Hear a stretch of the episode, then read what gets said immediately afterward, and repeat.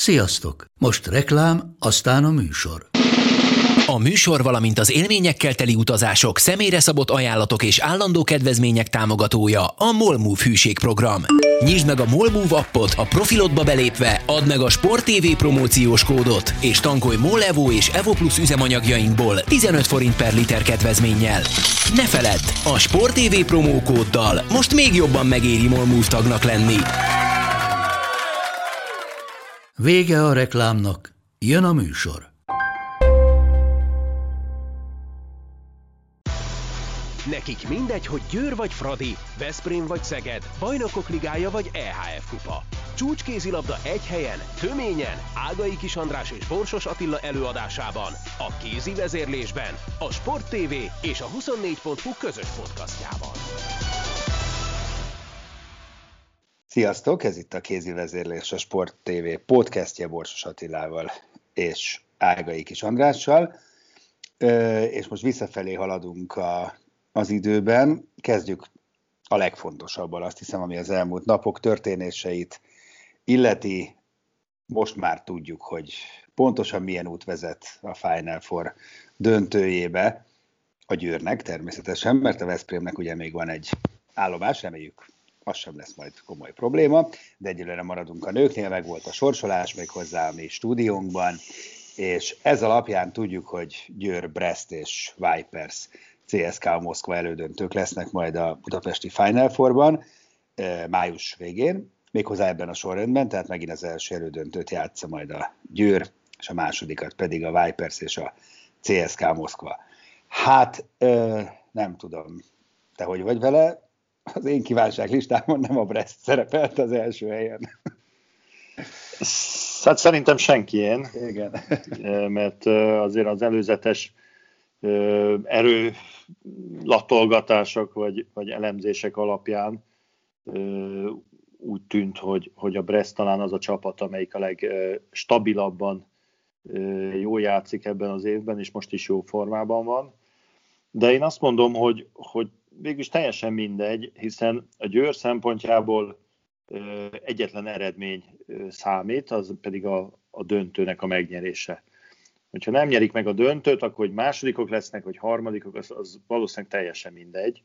Tehát tulajdonképpen uh, itt a két meccset minden kettőt meg kell nyerni, és hogy most milyen sorrendben, lehet, hogy az egyik nehezebb lesz majd, mint a, mint a döntő, ez, ez uh, végül is teljesen mindegy. Annak a csapatnak, akinek mondjuk így a döntőbe jutás már egy, egy nagy szám le, lenne, mint a Brestnek például, annak egyáltalán nem mindegy, hogy kivel játszik az elődöntőbe, de szerintem a Győr szempontjából mindegy, mert úgyis, úgyis nyerniük kell, akár, akár milyen sorrendben játszák a mérkőzéseket, és ugye négyen vannak, három csapatból kettőt mindenképp meg kell verni. Tehát ebből a szempontból szerintem különösebben ez nem okoz fejfájást. Hát igen, igazad van. Elmondom, hogy milyen szempontból nem mindegy, hogy szörnyű lenne úgy neki menni a második napnak, hogy már az esély sincs meg arra, hogy megnyerje a BL-t a Győr.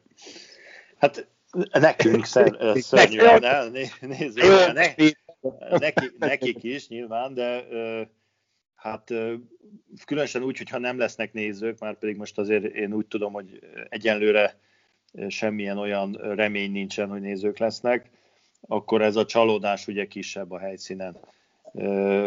Na most az viszont egyértelmű, hogy, hogy az elődöntőben abból a szempontból talán előnyösebb egy olyan csapattal játszani, amelyiket szemtől szembe jól ismer az idei szezonban is, meg az előzőben is a győr, hogy, hogy jobban föl lehet készülni erre a mérkőzésre, mert a másodikra amúgy se nagyon lehet készülni, ugye, mert azt a hibát nem követik el különösen ilyen jó csapatok, hogy, hogy úgy készülnek fel a Final Four-ra, hogy már a második meccsre készülnek, mert akkor tutira az elsőt elbukják.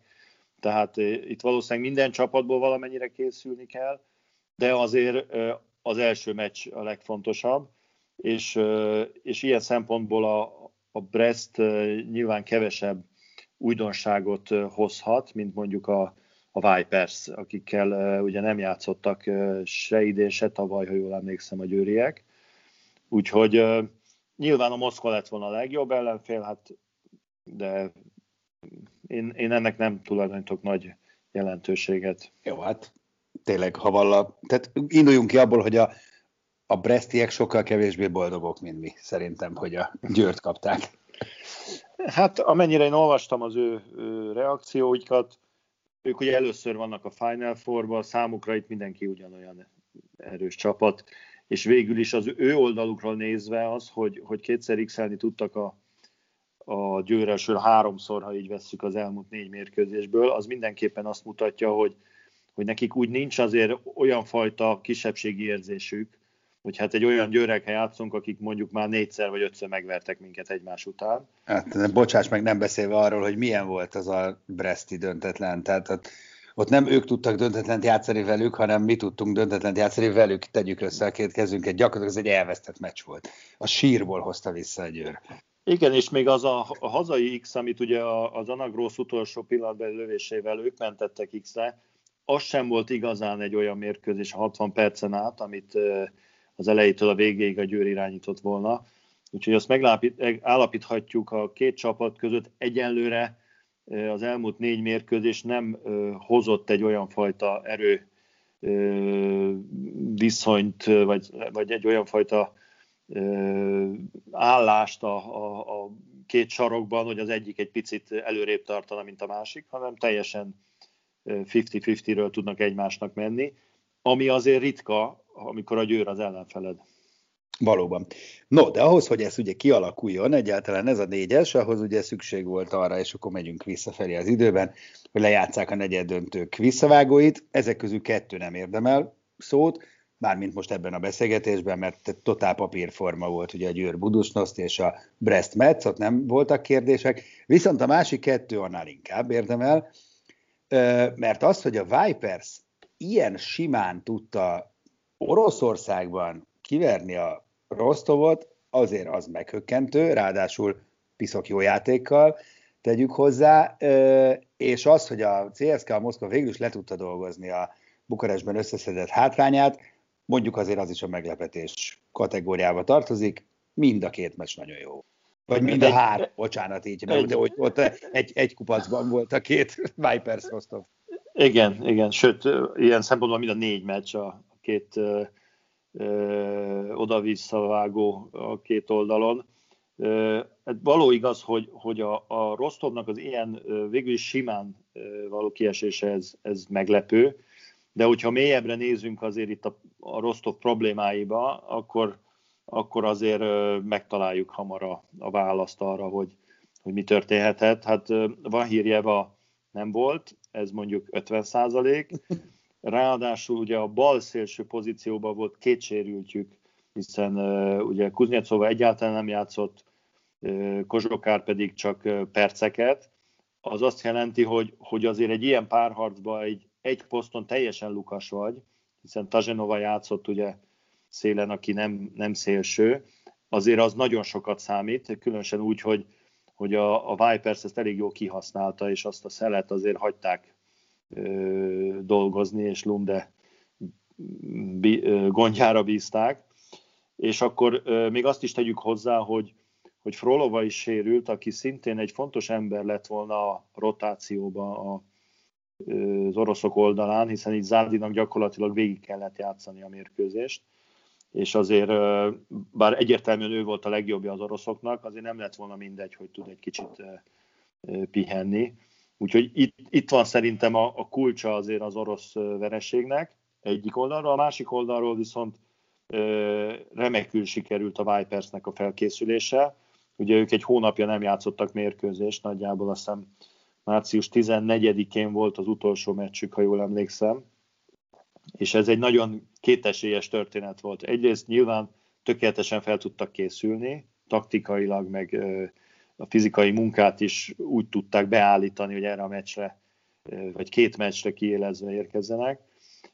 Viszont ott volt az a tényező, hogy egyáltalán nincsenek ritmusban, nincsenek a mérkőzés terhelés alatt, ami, ami azért sokszor problémát szokott okozni a csapatoknak, de úgy tűnt, hogy a norvégoknál ez egyáltalán nem így volt, hanem az a pozitív oldala érvényesült ennek a történetnek, hogy, hogy iszonyúan felkészültek mindenre, tökéletes erőállapotban voltak, és igen magas ritmusba tudtak játszani, úgyhogy az első meccsen tulajdonképpen el is döntötték ezt a, a párharcot. A másik az, én arra számítottam, hogy mind a kettő olyan lesz, mint a második.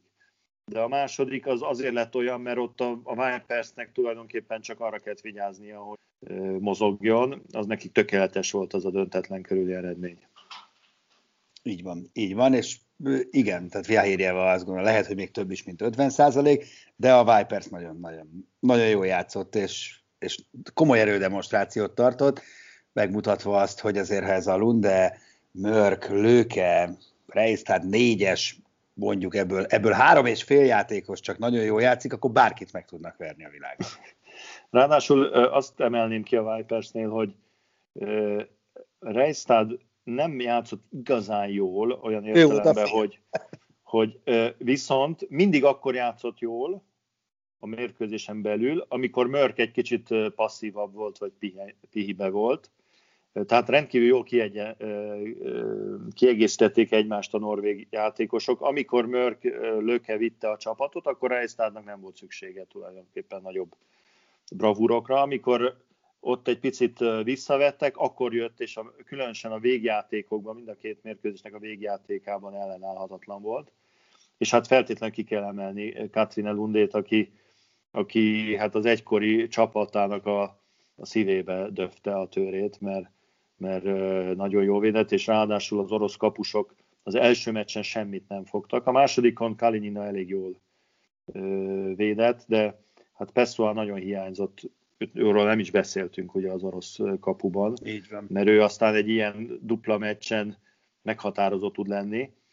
Úgyhogy a Vipersnek az, a, a renoméja, vagy a, az otca igencsak felugrott ezután a két mérkőzés után, mert amikor ugye itt kikaptak a Fraditól, meg szenvedtek az érdi meccsen a, a, az oroszok ellen, akkor akkor egy picit úgy leírtuk őket, hogy na hát idén ez, ez már nem nagyon fog összejönni, túl sok volt a problémájuk, nem tudnak játszani, ez az.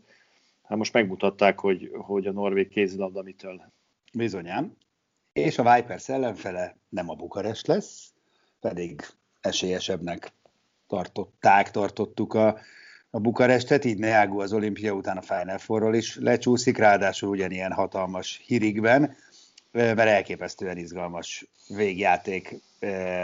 Alakult úgy, hogy a CSK Moszkva kerül végül is be, és én még mindig tartom azt, amit beszélgettünk a stúdióban, hogy, hogy ezt a Bukarest, ezt kiengedte az első meccsen a kezéből, ott gyakorlatilag már csak egy csavarintás kellett volna, hogy kitörjék a nyakát a CSK Moszkvának a félidőben, és nem tették, hagyták egy kicsit magukhoz tenni, persze nyilván ez két ember kell, két csapat kellett, de hát megérezték a vérszagot, és, és behúzták. Fantasztikus meccs volt. A Moszkvának mindenképpen a, a, előnyére kell írni azt, hogy hihetetlen küzdeni tudásról tettek tanúbíróságot mind a négy meccsen tulajdonképpen, mert ide sorolom a, a Ljubjan elleni oda-vissza meccset, ahol szintén ugye az első meccsen már nagyobb hátrányban voltak, mint öt gól, tehát ott is olyan határon voltak, hogy akár egy tízessel kikaphatnak, de összetudták szedni magukat, behozták egy öt gólra a, meccset, és utána visszavágon hihetetlen küzdelem árán gólról gólra jutottak tovább. Ugyanez volt ugye a románokkal szemben is, és nem mondanám azt, hogy, hogy, hogy ott a tíz gól, mikor megvolt a románoknak az első meccsen, akkor utána olyan nagyon rosszul játszottak volna, hanem, hanem beküzdötte magát a Moszkva, egy kicsit nem szárnyalt annyira a Bukarest, de azért az normál, mert a 60 percen át úgy játszanak, mint hogy az első fél időben, akkor, akkor aztán tényleg verhetetlenek. Itt, itt tényleg egy nagyon egy nőanszon múlott a továbbjutás, hiszen az utolsó támadásra visszagondolsz, egy perce volt a Bukarestnek, hogy támadjon, és egy gól dobjon, mert ha az utolsót bedobják, akkor őt jutnak tovább. Így van. És tulajdonképpen az utolsó perces, egy perces támadás alatt nem jutottak lövéshez lesáncolták ugye Neágut, és, és annyira jól védekeztek, hogy a románok nem tudtak még helyzetet se kialakítani. Úgyhogy összességében azért megérdemelték. Hozzáteszem, hogy, hogy a, a Sana Massonnak a második félidei játéka az, az, az fenomenális volt. Tehát az, azért az kellett hozzá, hogy azt hiszem 7 vagy 8 gólon tartották a, a románokat a második félidőben, amiből egymaga Neágu lőtt, vagy ötöt legalább. Igen. Hát mindegy, így, így, így alakult. Neágunak nem egy vidám időszak ez semmiképpen, de hát ha valaki, akkor ő valószínűleg föl tud állni valahogy a e, Egyébként ez, ez így most független mindentől nekem nagyon szomorú, hogy a, tulajdonképpen ha a három világ, a világ három legjobb játékosát mondanám, Oftedát, Vahirjevát és Neagut, akkor abból kettő nem lesz itt, pedig azért úgy jó a Final Four, ha itt vannak Miért a legjobb játékosok. hogy nem. Ja persze, Rostov nem lesz, de hülye vagyok, ha majdnem kérdeztem, hogy Vahirjeva nem tudok fölépni. Hát csak hát, át nem igazol most, már hiába, most már hiába épül fel, igen. Na, uh, Final Four-ok. Te már itt pen, megpendítetted, uh, hogy jelen állás szerint arra készül mindenki, és a törvényi szabályozások is úgy festenek Magyarországon, hogy nem lesznek nézők a, az arénában, és ö, fölmerült ilyen baráti beszélgetések szintjén egy ilyen opció, nem tudom, ez mennyire ördögtől való, hogy, hogy te az EHF helyében nem gondolkodnál el egy moszkvai kísérleten, ahol ugye lehetnek nézők, természetesen ez szerződésbeli, meg minden, tehát nyilván egy rengeteg akadálya lehet, de mint elvi lehetőség, hogy, hogy esetleg a Moszkvára most már ugye résztvevője is a, a Final Four-nak. Most Isten ments, hogy egy őr ellen beszéljünk, tehát ezt tisztázzuk meg a magyar rendezés ellen. Csak tök jó lenne azért, ha nézők előtt lehetne ez, a, ez az esemény. Biztos te is hallottad már azért, hogy, hogy, hogy, hogy vannak ilyen igen, hát lányok. tudod, hogy az EHF-ről nem különösebben pozitív a véleményem.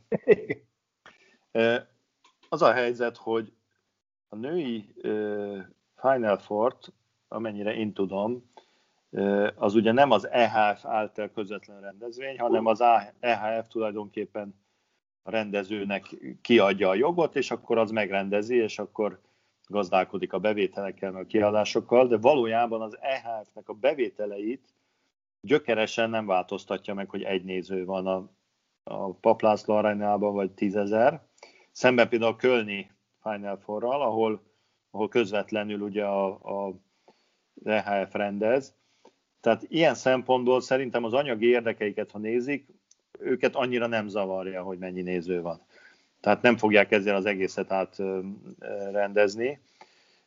Mindazonáltal persze lehetne ezen gondolkozni, bár szóval Moszkva azért nem ideális helyszín arra, hogy, hogy most lehet, hogy kimegy egy-két moszkvai ember megnézni, de nem, nem tudnak oda menni a külföldiek rendesen, és azért az orosz női kézilabdázás a Rostovot leszámítva nem olyan nagyon népszerű. Tehát biztos, hogy nem lenne teltháza nem is tudom, hogy egyáltalán van-e olyan arénájuk, amelyik erre alkalmas. Már biztos van Moszkvában, de hogy a, a, Moszk, a CSKA Moszkvának a pályája alkalmas rá. De félek, hogy, hogy messze nem lenne egy akkora közönség vonzó erő, mint egyébként Budapesten szokott lenni. Na jó, csak az a kérdés, hogy azzal hasonlítjuk el össze, vagy a nullával? Tehát, hogy akkor nyilván nem lenne, mert szuper rendezvény a budapesti Final Four, ezt tegyük hozzá, a Magyar Kézeből Szövetség vérprofin megrendezi, tuti ház, óriási az egész hangulat, csak ugye most nem ez az összehasonlítási alap, hanem a nulla néző, és ahhoz képest már nem nehéz felül. Igen, mondjuk én egy picit óvatos vagyok ugye itt az oroszokkal, mert nagyon sokan félnek attól, hogy hogy az orosz szponzor, meg az orosz sportdiplomáciának az ereje lassanként maga alá húzza az EHF-et, és azért az nem lenne jó. Tehát jobb, hogyha nem, nem minden az oroszok kezében van, mert így is ugye a hát rossz nyelvek szerint itt azért az egyik orosz csapatnak be kellett jutnia mindenképp. Én nem láttam erre menőre. Te láttál? Én nem érzem. Most ha a játékvezetésre gondolsz? Igen, igen. Én semmit nem éreztem hát, ezen a... A, a Vipersen végképp nem. Tehát, a Vipersen nem. Illetve hát az első hát, meccsen azért ott az első meccsen. Hát igen. De, de ez olyan dolog, összeesküvés elméleteket félre is téve, azért egy ilyen meccsen egy-egy gólt jobbra-balra, az simán meg lehet játszani, de kétségtelen, hogy nem, nem volt szemet szúró a, a, a történet de ebben együtt gondolom, hogy azért a Delónál örülnek, hogy bejutott a az saját biztos. csapatuk a Az biztos. A Na jó, rendezzük meg, rendezzük meg, nyerjük meg, mindegy. Na de, ennél sokkal érdekesebb kérdés, mármint nem érdekesebb, csak mondjuk azért érdekesebb, mert időben sokkal közelebb van az Európa Liga Final four ahol ugye idén szintén négyes döntőt rendeznek, május 8-9 a dátum, ami elképesztően közel van, és nincs még helyszín hivatalosan, sőt, nem hivatalosan sem. Én hallottam olyan plegykákat, hogy Siófok erőteljesen nyomul, mint ugye résztvevő, de előtte meg a dánok is bepróbálkoztak, de nincs semmilyen, és tudomásom szerint a Magyar Szövetséghez sem jutott el semmilyen EHF e, iránymutatás arról, hogy, hogy most akkor mi lesz, hogy lesz. Meddig lehet ezt húzni szerinted? Jó kérdés.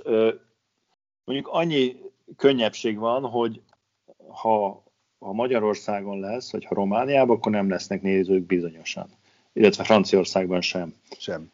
Dániában lehet, hogy valamennyi lenne. Tehát mondjuk a, rendezési rész az nem annyira komplikált, mert gyakorlatilag a csapatoknak meg kell szervezni az utazásukat, és kell egy szálloda és tehát meg lehet ezt gyorsan rendezni, mert azért itt a, a, a rendezésnek a nehéz része az mindig a, a közönségszervezés, a jegyértékesítés, a, a közönségnek a kiszolgálása, a marketing része. Ugye, ha nincs közönség, nagyon nem kell marketingelni, mert mire föl, maximum a, az EHF hirdetgeti, hogy mi van. A televíziós jogok miatt nyilván bármelyik országban is lesz, van helyi közvetítő partner, tehát ez inkább így furcsa, hogy két héttel a rendezvény, három héttel a rendezvény előtt még erről nem is beszélnek, vagy nincs kommunikáció róla, mint hogyha egy kicsit így az EHF-nél nem foglalkoznának ebben. Biztos foglalkoznak, csak ugye a, a kommunikáció az nem az erősségük a, a közönség vagy a, a média felé. Ők közöl, Úgy, igen, nem, nem kommunikálnak, hanem hogy gyakorlatilag közölnek tényeket igen, az igen. utolsó pillanatban általában. Hát ez így lesz. Ez így lesz itt is. Na jó, meglátjuk, remélem, mikor legközelebb beszélgetünk, akkor már majd minden esetre, ha még egy mondatot mondunk az Európa Ligáról, azért én nagyon remélem, hogy a Siófok most előtte a, a vaktöltényeit a Debrecen elleni Magyar Kupa negyed döntőben, ahol, ahol egy 0-8-al abszolválták az utolsó negyed órát.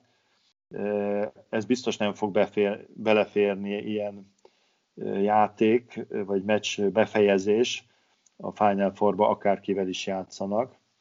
Úgyhogy nagyon számítunk rá, hogy összeszedik magukat a, az Európa Liga négyes döntőjére. Ez pontosan így van.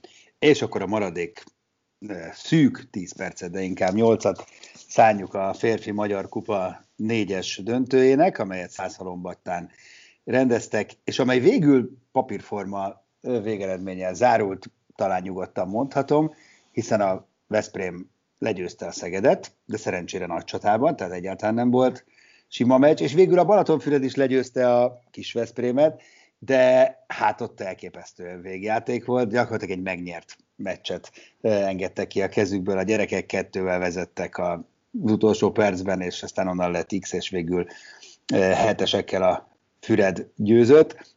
Nagyon izgalmas volt, de azért nagyon-nagyon meg kell süvegelni, nem? Éles Józsiékat, mert azért ott, ott nagyon derék dolgok történnek. Egyértelmű, hogy, hogy ide színfolytjai a, az NB1-nek, meg így a, a férfi kézilabdázásnak ez a Final Four lebonyítás az, azért jó, mert ké, tehát ugye van négy meccs, de kettő biztos jó belőle. Általában a harmadik helyért kis csapatok, mik összecsapnak, az mindig egy, egy jó meccs, független attól, hogy milyen a, a színvonal, mert azért egy, egy Balatonfürednek, vagy egy, egy nyilván egy, egy Veszprém KKC-nak egy, egy magyar kupa bronzérem az egy nagy dolog, és nem mindegy, hogy negyedik vagy egy harmadik. A, a Szeged-Veszprém az pedig nyilván mindig egy, egy presztis csata, és ö, szerintem nem csalódtunk ebben a döntőben. A, a számomra a legnagyobb csalódás az a játékvezetés volt, amelyik abszolút, hogy úgy mondjam, elvesztette a kontrollt a mérkőzés felett. nem mondanám, hogy befolyásolták az eredményt ide vagy oda, hanem egyszerűen nem, nem tudtak azon a szinten bíráskodni, ahogy ezt a mérkőzés megkövetelte volna. Iszonyú nyomás alatt kellett dolgozniuk, az biztos, mert mind a két oldalon kispadról és játékosok oldaláról is volt, volt reklamáció, meg nyomás, de ez általában akkor van, amikor a játékosok megérzik, hogy bizonytalanak a, a játékvezetők. Ez egyáltalán, ez egy jó kemény meccs volt, de egyáltalán volt durva, úgy, hogy ennyi kiállítás legyen, meg, meg hárman kelljenek lenni a, a csapatokban. Azt gondolom, hogy egy picit ez elrontotta az élvezetét ennek a mérkőzésnek, hogy nem tudták sajnos a bírók ezt rendesen levezetni. Igen, én is úgy éreztem, de már ezt nagyon sok Veszprém Szegeden éreztem egyébként, hogy, hogy mintha ilyen hímes tojásokon lépkednének a bírók, tehát valaki csúnyán néz a másikra, az azonnal kettő perc, mert abból nem lehet baj, ha meg még a füléhez hozzá is ér, akkor meg már zöld lap, tehát hogy... Igen, hát ez, ez a része is, ez túl, túl picit ezt értem, de egyébként is ö, azt hiszem, hogy, hogy nem, nem tudták jó oldaláról megfogni ezt a meccset, ami azért szomorú, mert ö, jelenleg talán a két legjobb játékvezetőnk, vagy a, legalábbis a legjobban ö, Ott őket választott. Így van. Igen, ő, tehát, tehát megpróbálta az MKS oda tenni azt, aki oda való, de nem. Nem sikerült szerintem ez nekik most, és ez, ez kár volt érte. Minden esetre azt hiszem, hogy végeredményen megérdemelten nyert a Veszprém, mert azért a mérkőzés nagy részében kézbe tudták tartani a meccset. Szerintem a Szegednek lehet egy kis hiányérzete, mert, mert kulcs pillanatokban, amikor meg lehetett volna fordítani az eredményt, akkor mindig belehibáztak. Akkor volt egy eladott labda, akkor volt egy technikai hiba, a kapusba beledobott labda, vagy egy védekezési hiba. Tehát nem tudták megragadni a mérkőzésen belül azokat a kulcsmomentumokat, amivel lehetett volna nyerni. De minden esetre így a bajnoki döntőre előre tekintve, az, az szerintem egy jó hír, hogy, hogy az elég közel van megint egy. Ami ugye az évközben nem látszott, mert az évközben eléggé dominálta a Veszprém.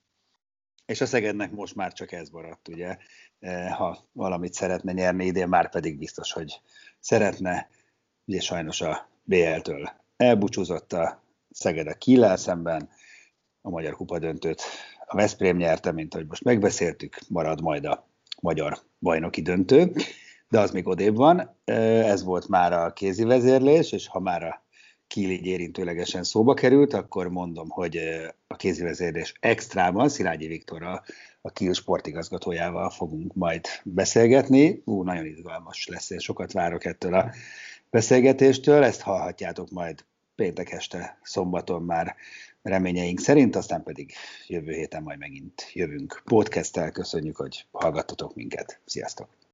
A műsor a Béton partnere.